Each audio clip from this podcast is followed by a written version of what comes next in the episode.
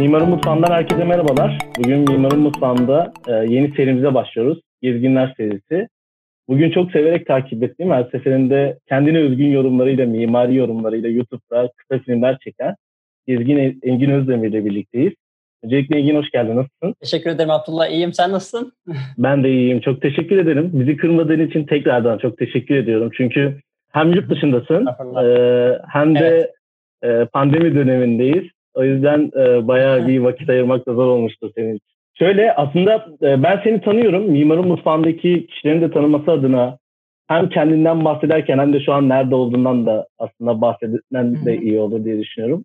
Seni e, Mimarın Tamamdır. Mutfağı'nda e, senden bir tanıyalım diyorum. Tamamdır. Şöyle e, hayatı dolu dolu yaşamaya çalışan aslında bir gencim. Kendime hep öyle tanımlıyorum. Bunu da sevdiğim işi yaparak yapabileceğimi fark ettim ve yıllarca bunun üzerine kendimi eğittim, geliştirdim. Sonunda o işe ulaştım ve şu anda dünyanın farklı bölgesinde e, aynı zamanda işimi yaparak yaşıyorum. E, partnerimle beraber, kız arkadaşımla beraber.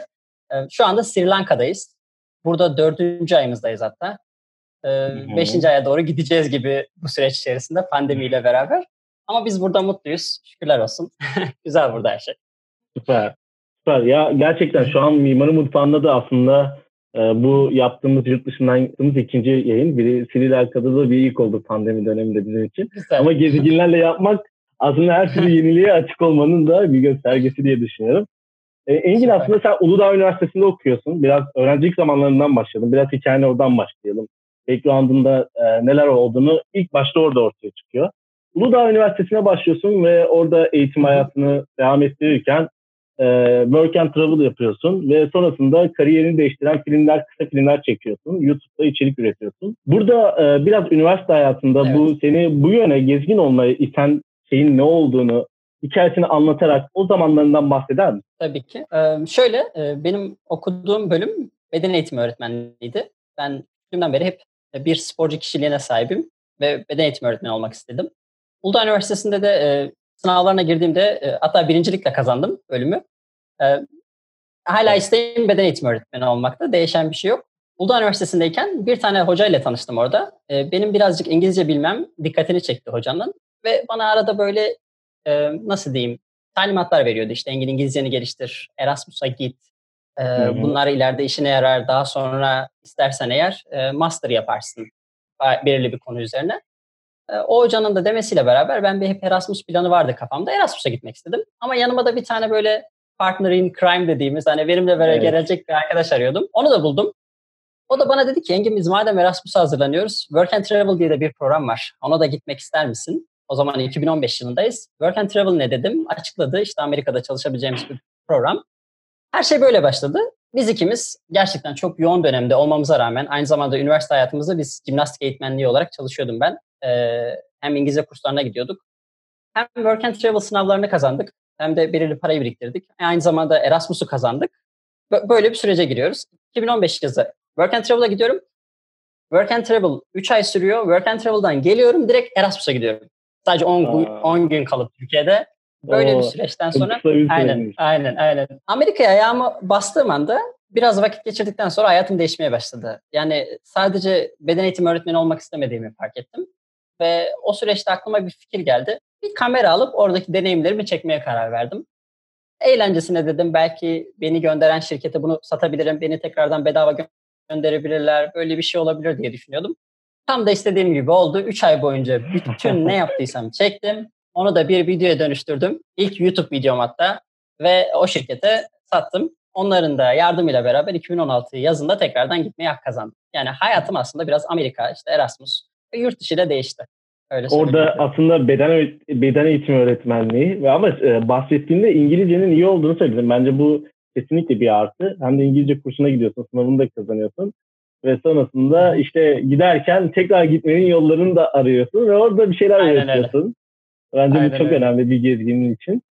Ee, şimdi şöyle bir e, konu da var. Hı. Yani hep bir seçim atfedilir. Yani birilerine bir alanı seçmelerini ve o alanda uzmanlaşması üzerine e, hı hı. bir şeyler diretilir. Bu eskiden aile kültüründe vardır. Yani evet. onun e, düzenli bir maaşın olsun gibi diye. Hı hı. Sen gezgin hayatı yaşıyorsun ve aynı zamanda bu gezgin hayatı yaşarken e, herhangi bir e, kararla e, verilebileceğini düşünüyor musun bunun? Yoksa bunun bir yaşam tarzı olarak mı görüyorsun gezginliği? E, bu konu hakkında neler söylemek istersin?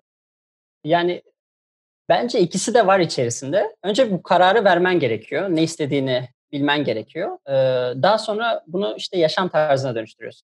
Ben şöyle bir hayatım olsun. Bak burada komik bir şeyden bahsedeceğim. Ben hem gezmeyi seviyorum hem sevmiyorum. Aa. Bunun iki sebebi var. Evet bak hem seviyorum hem sevmiyorum. Bak basit bir şekilde açıklayacağım.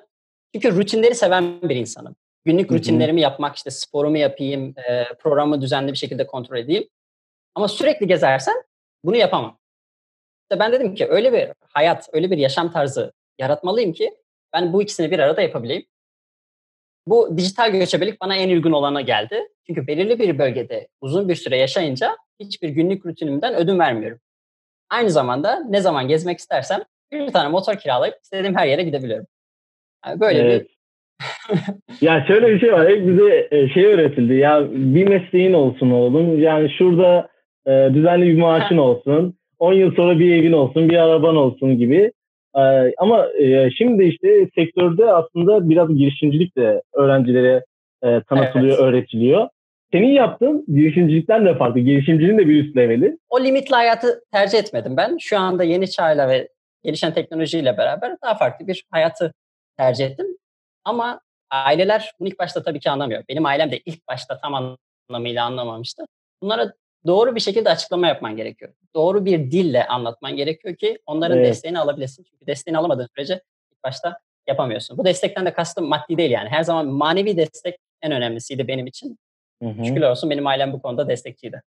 yani gerçekten çok güzel bir konu. Çünkü e, ailelerin de çocuklarını desteklemesi bu konuda hayallerine ortak olması, o hayallerine adım için her zaman yanlarında hissettirmesi e, çok önemli. E, sen de bunu anlatmışken yani biraz daha derinlemesine e, sormak istiyorum bu konuyu. Yani çünkü şöyle bir şey de var. Bazı aileler e, bu konuya yabancı olduğu için öncesinde çocuğunun e, kendini yani dersinde ya da e, kanıtlayabileceği hayatında kanıtlaması gerekiyor. Sen bunu e, onlara nasıl kanıtladın? E, bir anlatımla mı oluşturdu yoksa öncesinde hep bir başarılı bir hayat mı izledin ve ailen senin o başardıklarını görünce bunu da başarabileceğini mi hissettiler? Nasıl oluştu o süreç? Ondan da bahseder misin? Şöyle, e, küçüklüğümden beri ne yapmak istediysem e, çalışarak ailem yaptığımı fark etti aslında. E, ne yapmak hmm. fark etmez ne yapmak istediğim. Böyle farklı farklı ekstrem sporlarla uğraştım. Onlardan biliyorlar. Şöyle bir açıklama yaptım onlara. Beden eğitimi öğretmenliğinden mezun olmaya yakınım. E, o kadar okumuşum 4 yıl boyunca. E, çok basit bir açıklamayla. Dedim ki KPSS'ye örnek veriyorum. Beden eğitimi öğretmenliğinden 10 bin kişi girecek. Bunların e, belki birkaç tanesi, 2000 tanesi öğretmen olacak. E, 500 hı hı. tanesi örnek veriyorum kendilerine bir salon açacak, antrenörlük yapacak. E, bazıları daha farklı işlere girecek. Benim yapmaya çalışacağım şey eğer başarılı olursam belki bir, belki iki kişi deneyecek. Ama başarılı olursam onunla beraber gelecek şeyler çok çok daha güzel olacak. Onlara böyle bir açıklama yaptım. Ee, onlar da benim bunu yapabileceğime inandı. Ee, bu şekilde ilerledim. ya çok güzel bir süreç bence de. Çünkü e, bazen e, gezmeyi çok seven bir insanım. E, bunun öncesinde 7 ülkeye falan gittim ama e, her seferinde gittiğimde Süper. aslında aileme bir şeyleri kanıtlamak zorundaydım. Yani şöyle ki e, onlar bana bir güven ve e, sağlıklı bir şekilde geri döneceğime inandırmalarım inandırmam gerekiyordu. Bunlar da işte derslerimde kendimi kanıtlamamla olabilecek bir şeydi. Hı hı. E, senin aslında anlatarak e, yapman kesinlikle yani bu dönemin e, aile yaşamında e, çok takdir edilesi bir durum bence. Şimdi şöyle bir yere de değinmek istiyorum. Sen sporcusun, aynı zamanda evet. beden eğitmenliği öğretmenliği okudun.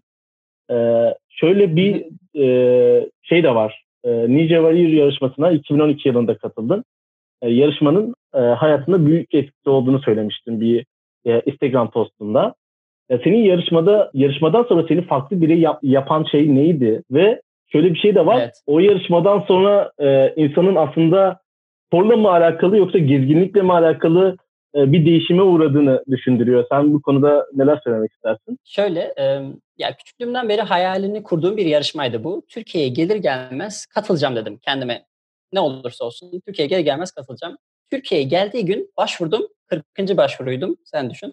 Aa. Ee, ilk İkinci haftasında beni çağırdılar. E, mülakatları geçtim. E, e, mülakatlara geçtikten sonra dediler ki Engin tamam işte şöyle bir tarihte geleceksin biz çekimleri yapacağız. Ben yarışmanın e, haftanın finalinde ikinci oldum. Yani çok güzel yarıştım. Saniyelerle 25 bin TL'lik bir ödülü kaçırdım. Ama yarışmadan sonra neler olacağını farkında değildim. Ee, televizyona çıktıktan sonra neler olacağını farkında değildim. O zaman 19 yaşında bir gencim, tanınmıyorum ama sürekli bir şeyler yapıyorum. Yani sürekli bir şeylerle ilgileniyorum. O yarışmadan sonra ufak belirli bir ün kazandım. Orada hmm. birçok insan bana ulaştı. O sıra kendimi biraz kaybettiğimi fark ettim. Ee, yani çok fazla telefonla vakit geçiriyordum. İşte insanlarla mesajlaşarak vakit geçiriyordum. Yapmak istediğim şeyleri unutmaya başladım. Ee, yıllar sonra ben bunun üzerine bir video yaptım. YouTube'da da şu anda tanındıktan sonra, belirli evet. bir kitleye ulaştıktan sonra bu daha önce, yıllar önce yaşanan şeyin yaşanmaması için kendime bir film niteliğinde öyle bir hayatımı değiştirdiğini anlattım. Yani Ninja Warrior'un nasıl farklılıklar yaptığını. Çünkü ben böyle bir dönemi yaşamıştım 19 yaşında. Şu anda 26 yaşındayım. Uzun zamandır da YouTube'dayım. Şu an YouTube dünyasındayım. Aynı etkilerin yaşanmasını istemedim ve özellikle işimden olmak istemedim ünlenmeyle beraber. Sürekli işime odaklanmaya devam ediyorum şu anda. Hayatı değiştirme olayı Ninja Warrior'un kendimi kaybetmemdi ve o kendimi kaybetmemi fark edip öz eleştiri yapıp ilerlemeye yönelik bir film yapıp o bölümü unutup hayatıma devam etmemdi. Öyle söyleyebilirim. Aa, süper. Süper. Ya aslında e, bu tür yarışmalar insan hayatında e, ne tür etkileri olduğunu ya bazen bilemeyebiliyoruz ama e, senin dediğin gibi yarışmaya katıldıktan sonra haftanın finalinden de sana bazı insanların sana ulaşması büyük fırsatlar Hı-hı. yaratmış hayatında ve bence evet. e, bu da e, kesinlikle çok önemli noktalardan birisi diye düşündüm. O yüzden sordum. Şimdi şöyle az önce bahsettiğim YouTube'da e, içerikler üretiyorsun ve aslında senin yaptığın içerikler e, şöyle ben çok gezgin takip ediyorum. Her herkesin videosunu evet. izliyorum gezgilerini çünkü e, bu karantina günlerinde daha da sık tüketiyorum. Göremediğim yerleri videolardan görebilmek, onların yorumlarıyla dinleyebilmek yani benim kendim bizzat görmüşüm hissi veriyor. Yani ben o anı yaşıyorum çünkü. Ee, sen ama kısa filmler çekerek anlatıyorsun. Ve yaptığın şeyin aslında kısa film olduğunu söylüyorsun. Ya orada YouTube'da hadi video çekelim değil. Yani senin dediğin kısa film. Yani bunun hikayesi nasıl oluştu? Çünkü kısa film dediğin zaman da bir ilgi çekiciliği var onun. Ee, ama YouTube'da video atmak dediğin zaman daha farklı bir noktaya da evrilebiliyor. İçerikler değiştirebiliyor. Bunun hikayesi nasıl başladı sende? Aslında e, ya bu farklı bir olay. Benim için video ve film aynı şey gibi. Yani kısa filmden kastım benim kendi kameramla çekip ürettiğim her şey benim için aslında ufak bir film. Öyle söyleyeyim ben sana. Kısa filmde benim sebebi biraz fazla vakit harcıyorum ben videolara ve beni mutlu etmesi çok önemli videoların farklı farklı kameralar, açılar kullanıyorum. Müziklere çok önem veriyorum. Yani kanalın bir geliri olmadığı halde kendim böyle çok yüksek miktarlarda paralar ödüyorum ki çok güzel müziklerim olsun, beni mutlu etsin. En önemli noktalarından biri bu. Ee, içe, ürettiğim içeriklerin biraz hani sadece normal bir video gibi hissetmemesi, e, böyle biraz hissiyata vermesi, oraları insanlara aktarması, deneyimleri e, film şeklinde göstermesinden dolayı ben kısa film değil de yani film diyorum. Deneyimlerimi filme dönüştürüyorum diyorum. Benim için video yapmak kısa video o benim için film aslında. Benim yaptığım bir içerik. Ne kadar kısa sürede yapıldığı ya da e, ne kadar kısa sürede yapıldığı çok önemli değil. O benim için bir film oluyor. O yüzden ben film diyorum. Hmm. Ya aslında YouTube e, son zamanlarda e, çok çok popülerleşti. E, çünkü karantina günlerinde içerik üretebildiğimiz tek alan. Senin e, söylerken de not aldığım e, bazı cümlelerin olduğu deneyimlerimi filme dönüştürüyorum diye.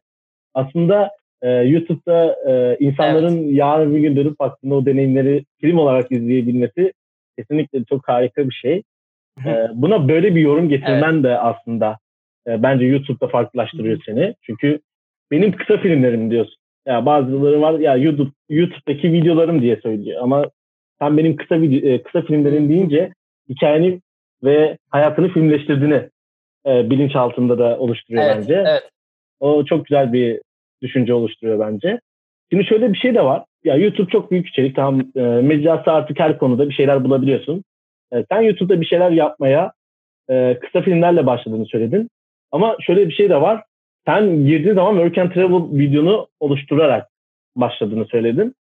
E, şimdi e, burada aslında sormak istediğim konu e, senin YouTube'daki gelecek planın olarak da aslında ne yapmak istediğine dair hem de YouTube'daki içerik üretmenin oradan bir para kazanma üzerine miydi? Bir gelir elde etmek, gezmemi finanse etmek üzerine miydi? Yoksa tamamen kendi hayatımın, hikayelerimin aslında e, paylaşıldığı, insanların bir şeyler yorum yaparak bile bana e, güç vermesi üzerine mi e, kurguladın orayı? Şöyle, e, aslında kısa filmlerle başlamadı olay. Tamamen o work and travel videosuyla başladı.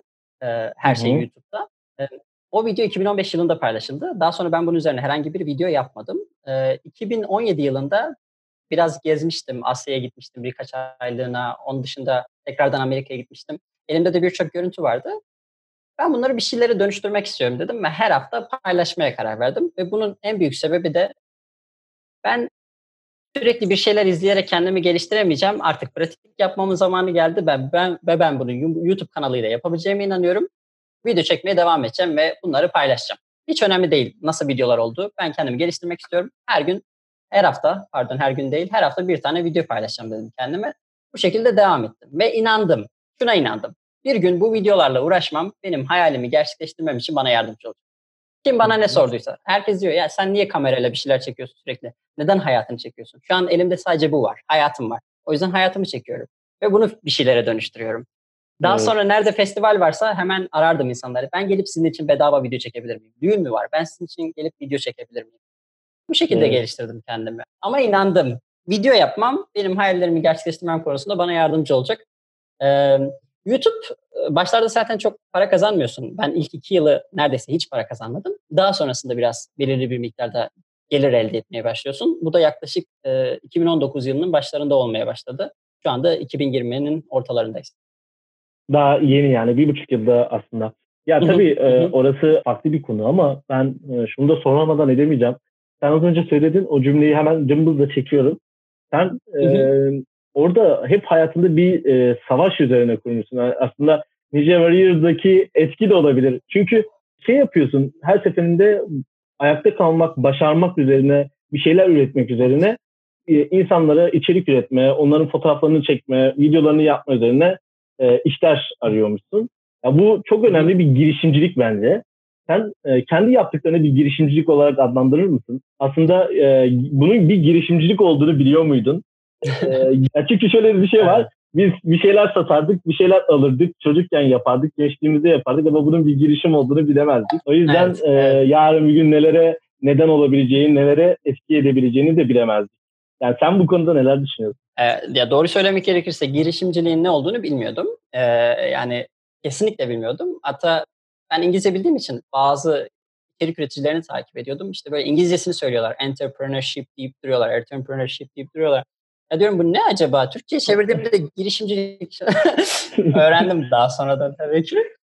Um, e, yıllar sonra benim partnerim e, kız arkadaşım o da söyledi. Aslında sen bir girişimcisin. Sadece bunun farkında değilsin dedi. E, daha sonradan hmm. öğrendiğim bir terim oldu aslında.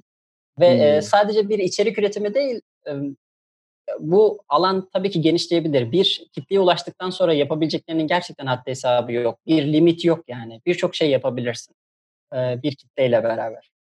Yani o Kesinlikle. da elimde elimizde var şu anda bir içerik üreticisi olarak.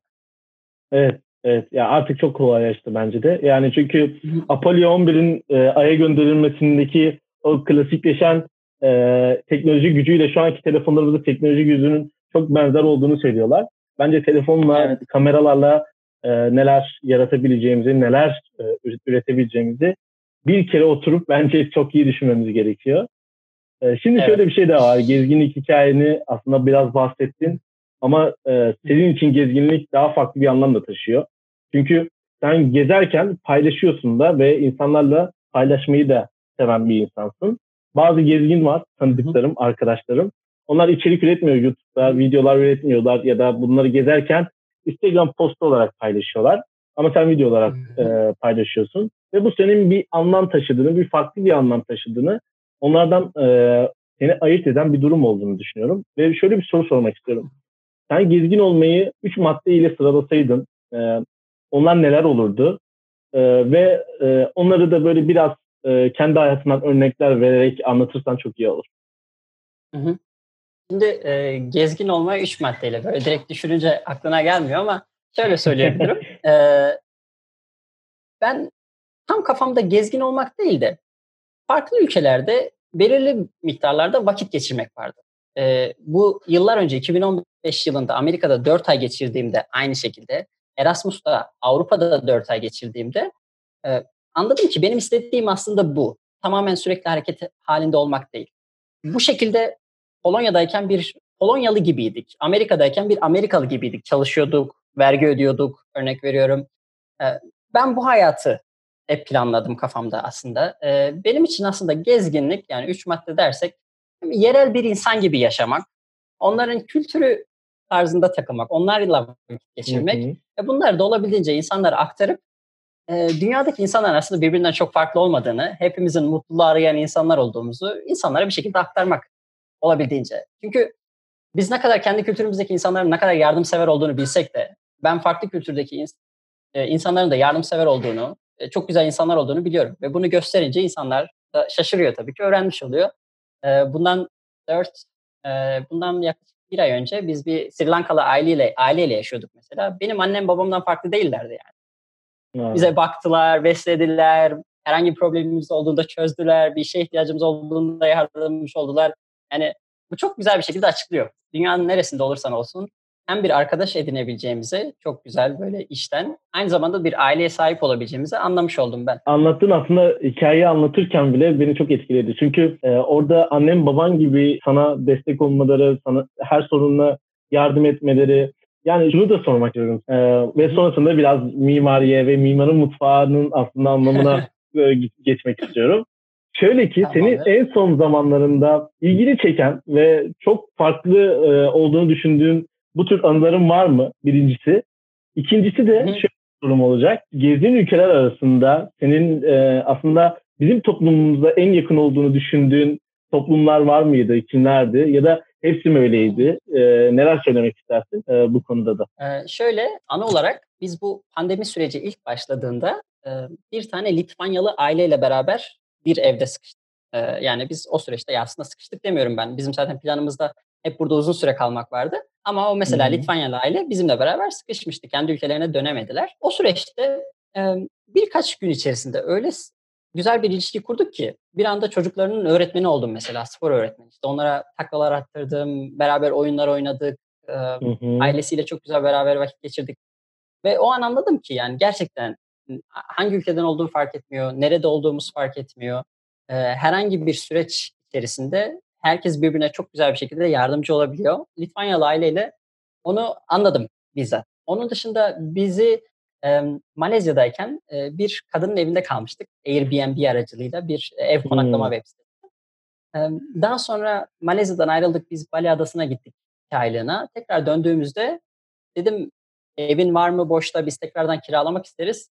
Evi yoktu ama bana bir saat ver dedi. Bir saat sonra eşiyle konuşmuş, çocuklarıyla konuşmuş bize hemen çocuk odasını ayarladı. Bir ay boyunca ücretsiz olarak bir anda o kadınla ve ailesiyle beraber yaşadık. Mesela benim kız arkadaşım Ukraynalı. O, o anlamadı böyle bir aslında kültürü direktmen. Ne, neden böyle bir şey yaptılar? Ya da onun annesi evet. ya da anneannesi de anlamadı. Neden böyle bir anda? Ama e, ben ne zaman tanıştıysam birileri hep iştendik.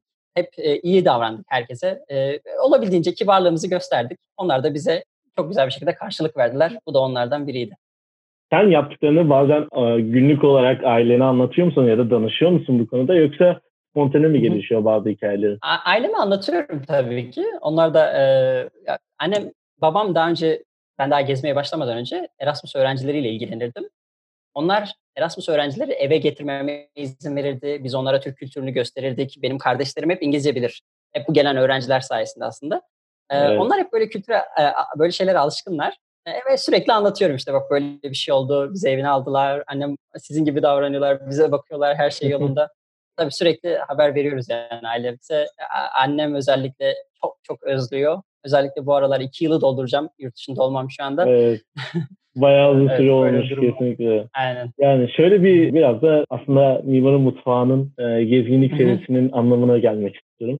Şimdi sen gezerken Tamamdır. çok dikkatimi çeken konu böyle konakladığın yerleri bir yorumlama diliyle aslında o an kullanım, kullanıcı deneyimini de içerisine katarak bir mimari dil oluşturuyorsun kendine yorumlamada. Şimdi görüyorum ki bazı gezginler odalarını çekerler, odaların videolarını çekerler ve şurada şu olduğunu söyler ama sen farklı bir yorumda katıyorsun. Bunun hikayesi nasıl başladı? aslında gezdiğin yerlerin böyle mimarisi hakkında da bilgi vermenin hikayesi nasıl başladı? Yani bundan da bahsetmek ister misin? Tabii ki. Ee, şöyle ben e, minimalizm minimalist bir insanım. Aslında öyle söyleyebilirim. Ee, basit yaşamı ve basit dizaynı seviyorum evlerde.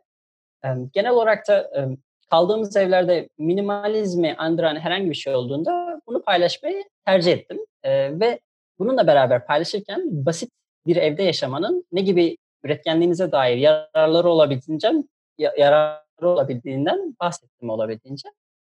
Bu süreçte ne zaman bir eve taşınsak ve o ev benim hoşuma gitse mini ev turu adı altında videolar hazırlamaya başladım. Ve bu süreç içerisinde biraz espriyle beraber güzel açılar alarak anlatım yaptım olabildiğince. Burada tabii ki benim kız arkadaşımın da bir mimar aynı zamanda ve iş dizayn yaparak çalışıyor olması etkili. Etkili. Kendisi de hmm. bilgili olduğu için bana da bu konularda yardımcı oluyor. Böyle bir anlatıma başladım. Yani videolarda insanlar tarafından sevildi. Tabii ki farklı kültürdeki, farklı ülkedeki bir evi gösteriyorsun tam böyle anlamıyla. Yani nasıl bir yaşam şekli olduğunu. E, ve e, bu yaşam tarzıyla beraber neler yapabileceğimi anlatıyorum olabildiğince. Bir şehirdeysek nelere ulaşabileceğimi, bir doğadaysak nelere ulaşabileceğimi. Böyle başladı aslında. Çünkü biz belirli bir yerde belirli bir uzun süre kalıyoruz. O yüzden kalacağımız yerin güzel olması Hı-hı. lazım ki biz orada mutlu hissedelim, iyi hissedelim ki yapmak istediğimiz şeyleri yapabilelim. Sen az önce söylediğim minimalist yaşamayı e, seven bir insanım. Şimdi şöyle bir şey var. Ben bu sabah bir jüriden çıktım. E, ve Hı. jüride e, yaptığımız şey konaklamayı yeniden düşünmek. Yani evet. aslında bu e, dönemimizi bitirdik ve projenin hedef kitlesi gezginlerdi. Aslında bu Hı. tamamen şu an denk geldi zamana. Ve gezginler için tasarladığım bir konaklama yeri vardı. Ve hocaya şöyle söyledim. Hmm, ya hocam ben gezginlere şöyle bir yer tasarlıyorum. Çünkü gezginler minimalist yaşıyor ve odada şunların olması yeterli diye düşünüyorum düşündüm. Bazı evet. e, gezginler de e, karanlık odaları, kapalı odaları da seçebilir. Bunlar çekim için önemlidir diye düşündüm. Birkaç tane de öyle oda yapmıştım. E, o yüzden şöyle de sormak istiyorum. Senin aslında e, bu mimari yorumlaman bir, bir nebze benim de aslında tasarımlarımı yaparken etkili oldu. Ve o yüzden e, her seferinde izlerken o öğretici e, yorumlamaların dışarıdan bir mimarsız mimarlığı daha iyi anlayabilmenin e, yöntemlerini görmüş oluyorsun. E, senin de aslında yaptığın bence o. Şimdi şöyle bir şey daha var. E, sen az önce bahsettin. Kız arkadaşın mimar dedin. Onun yönlendirmesiyle ve kendim esprili bir e, yorumla bunu evleri anlatmaya çalışıyorum dedin. Hı hı. Aslında minimalizm bir gezgin için tercih midir? Yoksa bu gerekliliği midir ya da zorunluluk mudur? Yani çünkü şöyle bir şey var sen az önce söyledin ama e, bir tek sende değil çoğu gezginde de öyle. E, bu durum bir zorunluluk mu ya da tercih mi? Bu konu hakkında neler söylemek istersin? Evet. Bu aslında çok güzel bir soru. Ee, biri sana bir soru sorduğunda ya işte ben dünya turuna çıkacağım. Neye ihtiyacım var diye sorduklarında ne kadar az şeyle gidersen o kadar iyidir cevabını e, alabilirsin. Bu genelde hep böyledir. Çünkü e, inan e, fazladan aldığın şey her zaman yük olmaya başlıyor. Minimalist değilsen de gezginken minimalist olmayı öğreniyorsun. Ve aslında hayatı böyle yaşayabileceğini de anlıyorsun. Ben daha öncesinden e, anlamıştım. Hep hayatımı böyle yönlendirmiştim. Basit şeylerle daha hafif bir şekilde gezmeyi tercih etmiştim. E, minimalizmle tanıştıktan sonra da hani minimalizmin ne olduğunu öğrendikten sonra da ben zaten böyleymişim dedim ve böyle ilerlemeye devam ettim. Ama senin dediğin gibi biraz zorunluluk değil de gerçekten öğretiyor ve doğru olan yöntemin bu olduğuna bu olduğunu anlıyorsun. Az bu peki normal hayatında da benimsediğin bir konu mu minimalist yaşamak yoksa evet. bu gezerken mi sadece benimsediğin Yok normal şey? hayatımda da öyle. Normal hayatımda Aa, da öyle. Çok iyi. Bütün dizaynlarımızda Lena ile yapmak istediğimiz e, kız arkadaşımın ismi Lena. E, evde de mesela aynı şekilde basit bir dizayn planlıyoruz. Hmm. hmm. Şimdi şöyle bir soruya da geleyim. Bu soru benim de e, çok ilgimi çekiyor. Seni son zamanlarda en çok etkileyen e, mimari yapı hangisiydi? Anısı olabilir ya da e, yerel yaşam şartlarına yönelik oluşturulmuş mimari çözüm de olabilir. E, bunlar iklim şartlarına göre de yapılmış yapılar da olabilir. Evet. E, Tayland Chiang Rai adında bir şehirde Beyaz Tapınak adında bir tane e, Budizm tapınağı var. E, ve bu tapınak yeni aslında e, inşa edilen bir tapınak. Ve tapınağın içerisinde Budizmle modern dünyayı birleştirmişler. Şu anda bildiğimiz e, süper kahramanlar, çizgi film karakterleri hepsi tapınağın içerisinde resimlerle çizilmiş, kayalara Aa. oyulmuş ya da taşlarla heykeller yapılmış. Bu beni çok etkiledi. Çünkü şunu anladım. Biz genelde bir tapınağa gittiğimizde 500 yıl önce, 600 yıl önce yapılmış bir eski dizaynı görüyoruz. Tamam Hı-hı. bunlar ilginç Ama şu anda yaşadığımız modern yani modern yaşamı bir Budizm tapınağına aktarması bir o e, mimarın çok hoşuma gitti benim. Çünkü şunu da aklımıza getirdi. 500-600 yıl sonra insanlar bunu görecek ve o zamanki bizim izlediğimiz süper kahraman filmlerini, çizgi filmleri, e, o dönemde nelerle ilgilendiğimizi tam anlamıyla fark edebileceklerdi. O yüzden yeni dönemde yapılmış bir tapınağı görmek benim çok hoşuma gitmişti. O bayağı etkilemişti beni. Aa, çok ilginç. Bir de şöyle bir şey de var. Dini bir mekana böyle bir şeyi yapmak, böyle bir ritüeli yapmak bence de farklı evet. bir düşünce diye e, düşünüyorum. Bu e, Ve, örnek çok güzel bence. Var mı başka bir örnek? Ben tapınak, daha da dinleyebilirim yani. ve tapınak daha bitmedi. 2070 yılında bitirmeyi planlıyorlar. Ve ilk yapmaya başladığında tapınağı e, bu mimar e, ona deli olduğunu söylemişler. Yani Budizmle böyle bir şey birleştirmelerine kimse inanamamış. Ve tapınağın girişi çok garip böyle şeytansı yaratıklarla başlıyor, heykellerle başlıyor. Bu da cehennemden cennete gitmeyi anlatıyormuş söylediklerini. YouTube'da kendi bununla ilgili video çektin mi? Var, var bir tane var. İyi, ben süper. sana linkini atarım süper. Onu hemen izlemem lazım. Şimdi şöyle bir e, soruya da gelmek istiyorum. Yani mimarın mutfağında gezginleri ağırlamadaki temel neden bunu gezerek öğrenmek ve mimari olarak bence e, senin de dediğin gibi minimalist konaklama çok önemli bir yer ediniyor. Bugün e, jüride yaptığımız yapıda e, gezginleri düşünerek, bir gezgin olduğumu hissederek aslında tasarladım. Bir odamda ne olması gerektiğine dair. Sen bir gezgin olarak e, konakladığın yerlerde neye önem verirsin? Veya e, önem vermem ya da şu olsa da iyi olur, olmasa da olur dediğin neler olurdu? Bunlardan da bahsetmek ister? Bu çok güzel bir soru ve senin aslında dizayn etme şeklin çok doğru bir şekil. Ben mesela bunu hep fark ediyorum. Ee, bir kişinin eğer bir konaklama alanı yapmak istiyorsa ve bu hizmeti sunmak istiyorsa kendisi önce bir gezgin olmalı ve gezginlerin ne istediğini anlaması gerekiyor. Her seferinde biz bir eksik bulduğumuzda kesinlikle bu insanın gezmediğini anlamış oluyoruz. Yani çünkü var çünkü evet. burada bir eksik. Buna ihtiyacımız var diyoruz. Ben bunlar ne olabilir? Ee, sadece yatak dışında bir tane masa olması çok güzel oluyor. Ee, daha sonra e, dünyanın farklı bölgelerinden insanlar geldiği için e, elektrik konusunda problem yaşıyorsun mesela. Adaptöre ihtiyacın oluyor. Bunun ayarlanması gerekiyor. Hemen yanı başında bir tane ışığın olması örnek veriyorum. Onun dışında işte havlunun düşünülmesi, e, çamaşırlarını asabileceğin bir yerin düşünülmesi. Bazen bunları atlıyorlar. Nasıl atladıklarını bilmiyorum ama bu detaylar genelde kaçıyor ve bu bizi şaşırtıyor. Benim için en önemlisi e, masa olması. Güzel bir masa. Güzel bir masa olması. Evet, evet e, çalışabilmemiz için. Ve internet. İnternet kesinlikle gerekli zaten. O olmazsa olmaz. Ya sen az önce söyledin oradan bir şey yakaladım hemen. Hemen onu farklı bir şeyle birlikte sormak istiyorum. Tamam. Şöyle sen az önce dedin ya aslında şu an konaklamada bazı kişiler bazen yüksek açabiliyor. Bu gezgin olurken ya da gezerken büyük masrafa neden olabiliyor. Ama sen az önce saydıkların çoğu şey aslında bir insanın standart yaşamını sürdürmesi için gerekli olan şeyler. Ne fazla evet. ne de eksik. Standart. Evet. Ee, sen bu standartlara önem veriyorsun. Şimdi şöyle de bir şey var.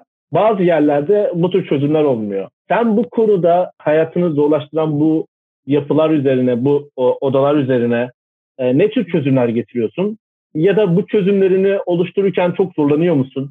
Bunlardan da bahsetmeni istememdeki nedeni şöyle de çok kısa. Aslında biraz daha biz mimarların da bunları bilerek bir şeyleri düşünmesi gerektiğini hissetmem için, anlatmam için bunu yapıyorum. Anladım. Şöyle, e, biz e, mesela zaman zaman oldu bazı yerlerde masamız yoktu. Ama masamızın olmadığı yerlerde bunu e, çözebileceğimiz kafeler araştırdık. Direktmen mesela.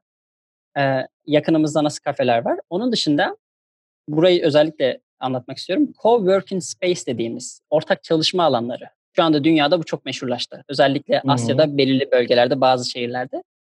İnsanlar için internetin çok iyi olduğu, güzel farklı farklı e, masaların olduğu, çalışma alanlarının, oturma alanlarının olduğu yerler var. E, buraya sadece laptopunu alıyorsun, bilgisayar başında çalışan bir kişisini örnek veriyorum. Gidiyorsun, belirli bir miktar para ödüyorsun. Ya günlük giriş alabilirsin ya da haftalık ya da aylık giriş. Orada diğer insanlarla beraber işini gerçekleştirebilirsin. Herkes kendi ortamında bilgisayar başında işini yapıyor.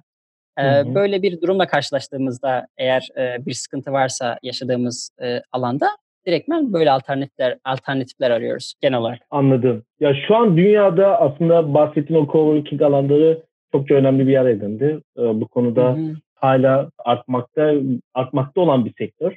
Ben e, aslında dünya genelinde şu an yaşadığımız bir pandemi var. Ve şu an sen Sri Lanka'dasın, ben İstanbul'dayım.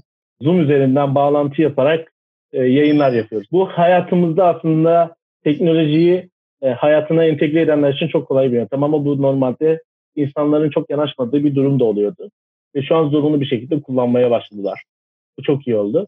Şimdi şöyle, pandeminin hala etkisi geçmedi. Bu gezginleri evet. çok etkiledi. E, durum seni de etkiledi mi? Yani bu bağlamda yeni normali nasıl yorumlarsın? Bir before after görebiliyor musun? Acaba sen de kendini bu konuda durduracak mısın? Gezmeye bir ara verecek misin? Yoksa devam edecek misin? Nasıl bir yol haritam var? Onu da merak ediyorum. Ee, şöyle bizi e, başlangıç olarak çok etkilemedi. Neden? Ee, biz geldiğimiz ülkede zaten uzun kalmayı planlıyorduk. Ee, ve o şekilde devam etti. Ama aslında Haziran'ın başında buradan ayrılmamız ve Ukrayna'ya dönmemiz gerekiyordu aslında daha Türkiye değil. Ee, şu anda Ukrayna diğer vatandaşlara ülkesini kapatmış durumda. Ee, mesela örnek veriyorum şu anda ben oraya gidemiyorum. Ee, otomatikmen bir gezgin olarak yani kız arkadaşımın ülkesine gidemeyerek bizi etkiliyor bu süreç. Ee, o yüzden belirli bir bölgede daha uzun süre kalmamız gerekiyor. Ee, onun dışında bu pandemi sürecinde senin de az önce söylediğin gibi insanlar e, artık internet üzerinden vakit geçirmeye başladı. Bunları araştırmaya başladı. Daha öncesinde böyle bilgisayar başında çalışan insanlar tabii ki e, şu anda daha rahat biliyorlar neler yapması gerektiğini. Evet. Biz ilk başta böyle işleri yapmaya başladığımızda bizi çok risk alıyoruz diye düşünüyorlardı. Ama dünya biz bunun farkındaydık. Her zaman bu yöne doğru gidiyordu ve online işlerin gelişeceğinin de farkındaydık. Böyle bir durum geldikten sonra anladılar ki aslında online işler yapmak ne kadar önemliymiş. Bu şekilde böyle bir durum yaşandığında da hayatını devam ettirebilecek şekilde ilerleyebileceğini anlamış oldular. Gezgin hayatımızı durdurmak e, Ukrayna'ya gittiğimizde tabii ki biraz yavaşlatacağız ama e, kış hayatını yaşamayı çok seven bir insan değiliz. O yüzden e, büyük ihtimalle Ekim ayına doğru açılmalar gerçekleşir. Biz tekrardan böyle sıcak ülkelerin olduğu tropikal iklime doğru gitmeye düşünüyoruz. Eğer ülke açık olursa tabii ülkeler. Yani durdurma gibi planımız yok şu anda. Anladım. Şöyle bir soru sormak istiyorum hemen. Çokça farklı bir dönem herkesin merak ettiği sorulara, e, yorumlara hızlıca cevap veriyorsun. YouTube'da, Instagram'da çok aktifsin. Nasıl yetişiyorsun buna? Çünkü dünyada artık içerik üretirken ders çalışmak, aynı zamanda gezmek, aynı zamanda ekonomini döndürmek, yani farklı şapkalara sahip. E, bu seni yormuyor mu? Ya bir yerden sonra ya tamam dediğin bittiğin süreçler olmuyor mu? Ya bunları da çok merak ediyorum. Şöyle, e, belirli bir e, program takip ediyoruz aslında e, ve her şeyimiz takvim şeklinde. E, bir belirli bir video günlerim var benim örnek veriyorum. E, müşteriler için editlemem gereken videolar için belirli bir günüm var.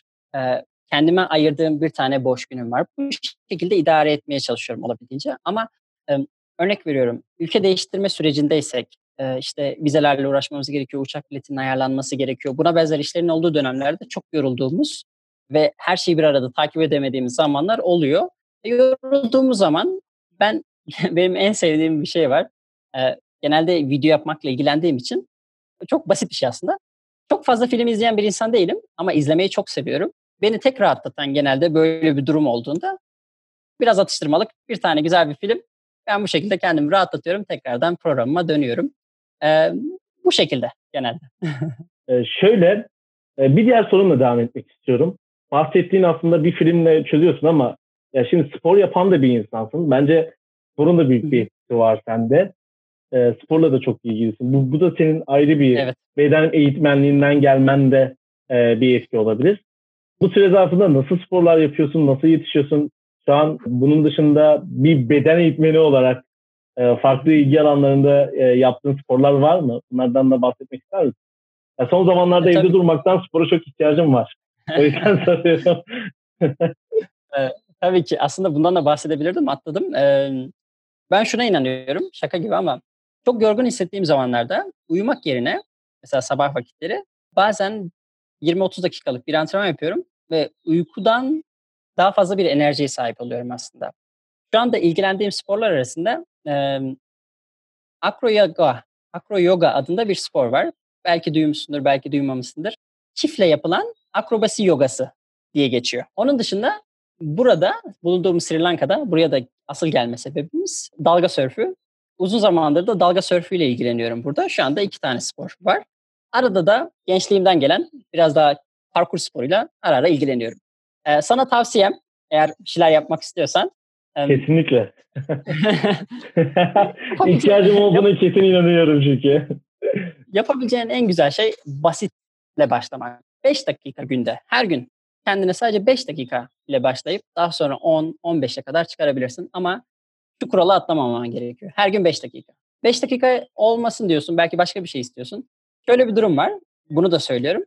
Seni terletecek alnından bir damla böyle su akıtana kadar terletecek bir aktivite o an her gün. Aa. Böyle bir şey de yapabilirsin. Genelde bu ortalama 15-20 dakikayı alır. Yaptığın spora göre de değişiklik gösterebilir. Ee, bu şekilde farklı çeşitli e, sporları deneyebilirsin ve e, çeşitlilik olur programında. Hmm, teşekkür ederim. Çok güzel bir öneriydi. Yani bunu bir düzene oturtabilirsem ki oturtmam gerekiyor. Karantina günlerinde çokça e, hareketsiz kaldım. o yüzden benim için de çok faydalı bir bilgi oldu şimdiden. Sen yoga demişken aslında onu direkt sormak istiyorum. Yoga yapıyor musun? Nasıl etkisi oluyor hayatında? Ee, film izlemenin dışında sen yorulduğun zaman bir kaçış olarak mı görüyorsun orada? Hı hı. Ee, yoga yaklaşık 5 yıl boyunca yaptım ben. Üniversite hayatım ve üniversiteye gelene kadar süreçte ve 18 yaşından 23 yaşına kadar. Yani şu anda sadece o dediğim gibi akroyu dediğim akrobasi yogasını yapıyorum. Onun dışında yoga e, ile ilgilenmiyorum artık daha fazla. E, şu anda dalga sörfünden bahsettim az önce. E, kaçış olarak dalga sörfü biraz daha mantıklı geliyor. Yakın zamanda bir ay boyunca kullanabileceğim bir sörf tahtası da kiraladım. Çok rahat bir şekilde istediğim zaman yapabiliyorum. E, buradaki evimiz okyanusa 5 dakika hemen yürüyüp deneyebiliyoruz. Ha, şu an İstanbul'dayken biraz e, direkt şey oldum yani. Şimdi aslında sen e, yaptığımız yayının başında bir timeline'a göre gidiyorum ama sona doğru gelmişken biraz tecrübelerinin tavsiyeleriyle oluşan bir dizi oluşturmak istiyorum burada. Şöyle 3-4 tane sorum olacak. Bu sorular e, senin tecrübelerin, deneyimlerini, öğrendiğin kitaplar, filmler üzerine. Seni sen yapan e, bazı filmler, kitaplar vardır. Az önce kaçış dediğin kaçış yapmak için kullandığın o dizi izlemek ritüeli vardı. Sen bunu yaparken o filmlerin ve okuduğun kitapların hayatında büyük bir etki yarattığını düşünüyorum. Bu konuda gezginlik alanında da olabilir ya da senin tamamen hayatına etki ettiği için de olabilir. Önerebileceğin bir kitap, bir film ya da birden çok film kitap var mı? Varsa neler olurdu söylemek ister misin? Aslında bu biraz o, komik gelecek. Benim hayatımı e, fazla film ya da aslında kitap etkilemedi. Bunu söyleyebilirim. E, Gençliğimde Aa, kitap okuma iyi. alışkanlığını kendime kazandırmış bir insan değildim. Bunu da hatta öz eleştiri olarak kendime hep söylüyorum. Ee, izlediğim her film, spesifik bir film yok. Her film şu anda ürettiğim içeriklerde bana bir katkı sağlıyor. İstemli ya da istemsiz. izlerken bir şekilde müzikle uyumu, edit, e, her şekilde bana yardımcı oluyor. Ama beni asıl etkileyen gerçekten şu anda YouTube'da olmamla beraber YouTube içerik üreticileri oldu. İngilizce bilmemle beraber dünyanın her farklı bölgesinden birçok insan takip ediyor. Ne kadar hoşuma giden, onların e, beğendiğim yaptıkları alışkanlıklar varsa onları kendime aldım. Ve hepsinin birleşimiyle Engin Özdemir ortaya çıktı diyebilirim ben sana. Yıllarca Aa. insanları takip ettim. Yıllarca onları izledim, öğrendim, hayatlarını çalıştım. Öyle söyleyebilirim. Başarılı insanları YouTube dünyasında. E, böyle bunların hepsi yabancı içerik üreticileriydi. Hiçbiri e, Türk değildi açıkçası. E, keşke daha fazla Türk olsa. Ben İngilizce bildiğim için hep yabancı içerik üreticilerini izledim o süreç içerisinde. Bu şekilde. Hmm. Peki var mı hiç önerebileceğin YouTube'da Hı-hı. çok etkileyen bir içerik seni hayatında aslında evet. o an tüylerin diken diken eden bir şey var mıydı? İçerik değil de e, isim verebilirim birkaç tane. E, bu, bu da bir ilk mesela, olacak. YouTube videosu öneriyoruz. Evet. Ya şaka gibi diyorum ben kendim diyorum. Öz eleştiri olarak söylüyorum. Çok kitap okuyan bir insan değilim. Lise Hı-hı. yıllarında okumadım ki şu anda e, hikaye anlatıcılığı yaparken videolarımda Türkçemde bazen sıkıntı yaşıyorum. İki yıldır yurt dışında olmam, kız arkadaşım yabancı olmasından dolayı. Yo bence gayet gayet iyi bir Türkçem var yani. Teşekkür ederim. Yani, kitap okumaya başladım. E, bayağı yoğun bir şekilde sürekli kendimi geliştirmek için tekrardan Türkçe içeriklere döndüm. Sürekli İngilizce içerikler içerisindeydim. Ama YouTube tabii ki YouTube videosu önermek biraz komik olacak ama YouTube içerik üreticisi. Şunu tavsiye edebilirim. Minimalizmi ve üretkenlik konusunda kendinizi geliştirmek istiyorsanız ve İngilizce biliyorsanız kesinlikle Matt Divella adında bir kanal var. Matt Divella. Bunu hmm. takip etmeni tavsiye ederim. Bundan yıllar yıllar önce sürekli içerik üreten benim de blog konusunda kendimi geliştirdiğim Casey Neistat adında bilinir. Yaklaşık 12 milyon abonesi olan bir kişi. Hı hı. Onu tavsiye edebilirim. Sinematik gezi tarzında içerik üreten ve bu şekilde çok güzel hikayeler anlatan bir insanı merak ediyorlarsa Sam Calder'ı tavsiye edebilirim. Bu üç tane içerik üreticisini ben yıllarca izledim aslında. Çok iyi. Aslında YouTube'dan izleyerek ve orada bir şeyler üretip senin de bir yere gelmen aslında çok çok takdir edilesi bir hikayesi var. Şimdi şöyle bir sorun da var. Sizin için önemli olan evet. öğütler kesinlikle vardır. Hayatınızda önemli olduğuna e, karar verdiğiniz öğüt neydi? Hangisiydi? Evet. Bu da gene aynı şekilde bir e, e, YouTube, ge- e, e, gelecek. Şaka gibi ama e, genelde insanlar YouTube'u boş bir şey olarak düşünürler ama şu anda öyle bir döneme geldi ki bunun biraz daha öncesinde de e, her şey üzerine içerik Kesinlikle. bulmak ve çok profesyonel, kaliteli içerikler bulmak gerçekten mümkün. Ben bu şekilde geliştirdim, dürüstçe söylüyorum kendimi. Onun dışında tabii ki ek birkaç tane web site kullandım. Onları da tavsiye edebilirim videonun sonunda. Ee, şöyle bir söz var, onu söyleyebilirim. Ee, gene aynı şekilde YouTuber'dan. Hayatta yapabileceğin en te- tehlikeli şey hayatı güvenli oynamak, risk almamak. Evet. Yani risk almak tehlikeli değil. Güvenli oynamak hayatta yapabileceğin en tehlikeli şey. Ben de hep risk almayı tercih ettim. Şu anda ulaşmak istediğim noktaya ulaştım. Öyle söyleyebilirim. Süper.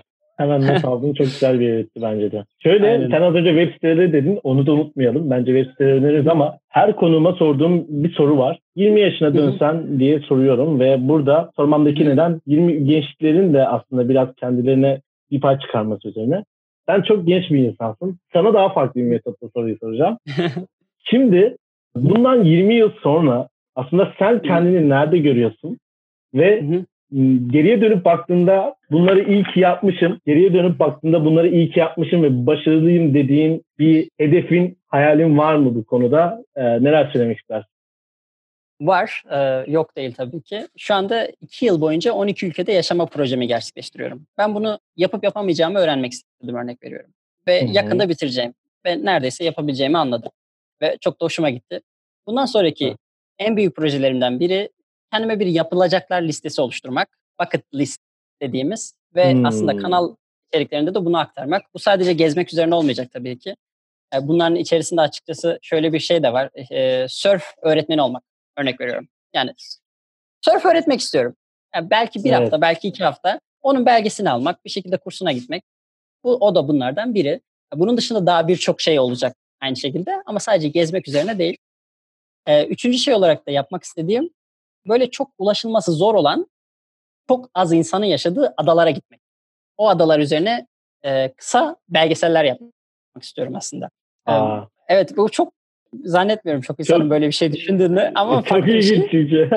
çok güzel bence de. Çok ilginç, ya, çok güzel bir hikayeymiş. Şaka bence. gibi ama ulaşılması zor. Gerçekten çok ada var dünyamızda. Ee, böyle evet. insanların yaşadığı. Merak ediyorum neden insanlar orada yaşıyor? Neden orada yaşamayı tercih etmişler? Orada hayat nasıl? Neler yapıyorlar? evet. Ee, on, onun üzerine bir şeyler yapmak istiyorum. Bir de olursa e, yıllar sonra belki e, oluşturduğum bir belgeselimi büyük bir e, online stream kanalına satmak istiyorum aslında.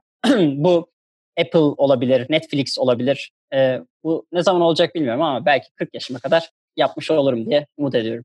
Kesinlikle. Bence daha da kısa olacağından eminim. Senin bu samimiyetin, güler yüzünün, aynı zamanda o içerik üretirken hiçbir zaman kaybetmediğin içindeki o çocuksa heyecan bence kesinlikle evet. bu başarını bir an önce getirecektir diye düşünüyorum. Ya yayınımızın sonuna geldik. Aslında daha da uzun sürebilirdi. Daha da konuşabilirdik. Çok farklı deneyimlerin, tecrübelerin var. Hepsini tek tek tekrar eğer ki fırsat olursa bir yayında daha dinlemek isterim. Senin son olarak eklemek istediğin var mı? Çünkü bir gezginsin seni bu kadar fazla tutamam. Hemen yoğunluğun içerisinde işlerim vardır. Sen son olarak neler eklemek istersin? Bu aslında size bıraktığım düşünce olabilir. Herhangi bir öneri evet. de olabilir. tamamen neler eklemek istediğin sana kalmış. Şöyle bizim anne ve babamızın döneminde e, işler belirli işler vardı ve herkes o işleri tercih ediyordu. Şu anda öyle bir dönemde yaşıyoruz ki insanlar sevdiği işi yapmak istiyor. Ve sevdiği işin nasıl bulacağını anlamayan ve biraz sabırsız çok insan var. E, benim tavsiyem, e, ben biraz erken buldum aslında. 26 yaşındayım. E, 30 yaşına kadar mümkünse birçok şeyi deneyimlemeleri lazım insanların. Deneyimleyip yaptıkları işi en iyi şekilde yapıp ne olursa olsun fark etmiyor. Sevdikleri şeyi bulmaya uğraşmaları. Hani tek bir şey yaptım pes değil de ya şunu yaptım pes değil de biraz kendilerini zorlamaları yönünde olur. Bunun üzerine birçok gençten yorum alıyorum. 19-20 yaşında abi ben sevdiğim işi bulamıyorum, sevdiğim işi bulamıyorum. Ne denedin? Bir şey denememiş örnek veriyorum. Sadece düşünüyor. Denem, denenmesi gerekiyor. Ben jimnastik paten eğitmenliğiyle başladım lise yıllarımda. Daha sonra jimnastik eğitmenliği yaptım. Dedim ben kesinlikle jimnastik öğretmeni olacağım. Daha sonra fikirlerim değişti. Kaya tırmanış eğitmenliğine başladım bir yerde. Ben bu işi yapabilirim dedim. Daha sonra düğün videosu yapıyordum bir dönem. Düğün videosu yapabilirim ben dedim. Yani hani düşüncelerim o kadar çok çok değişti ki en sonunda fark ettim. Ben bu süreçlerin hepsinde video yapıyorum ve video yapmayı seviyorum. Ben bunun üzerine ilerlemeliyim örnek veriyorum. Ama o süreç içerisinde yüzlerce iş yaptım. Amerika'da bulaşıcılık yapmaktan e, oda temizlemesi yapmasına kadar birçok iş yaptım. E, sevdiği işi bulmak istiyorsa insanlar e, ve mutlu bir hayat yaşamak istiyorlarsa yapabilecekleri en güzel şey birçok şeyi deneyimlemek, biraz risk almak. Bu şekilde anlayabilirler ne yapmak. Çok güzel bitirdin. Çok teşekkür ediyorum gerçekten. demek? Bir insanın deneyerek seveceği işi bulacağını düşünüyorsun. Ve evet. bence bunun bizim o timeline'da olması gereken şey. Bulmasa da birçok deneyim kazanacağından eminim ve e, hayatına katkısı olacağından eminim. Benim için öyle oldu. Umuyorum ki herkes için de öyle olacaktır. Çok teşekkür ediyorum Engin. Çok sağ ol. Bizi kırmadığın için öncelikle Mimarın Mutfağı dinleyicileri ve Mimarın Mutfağı ekibi adına çok teşekkür ediyorum. Ee, bugün YouTuber ve gezdiği yerleri paylaşmayı, kısa film çekimleriyle hayatını hikayeleştirerek anlatan uzun diyarlardan bir konumuz Engin Özdemir ile birlikteydik. Bizi kırmadıkları için teşekkür eder. Başka bir mimarın mutfağında görüşmek üzere. Hoşçakalın.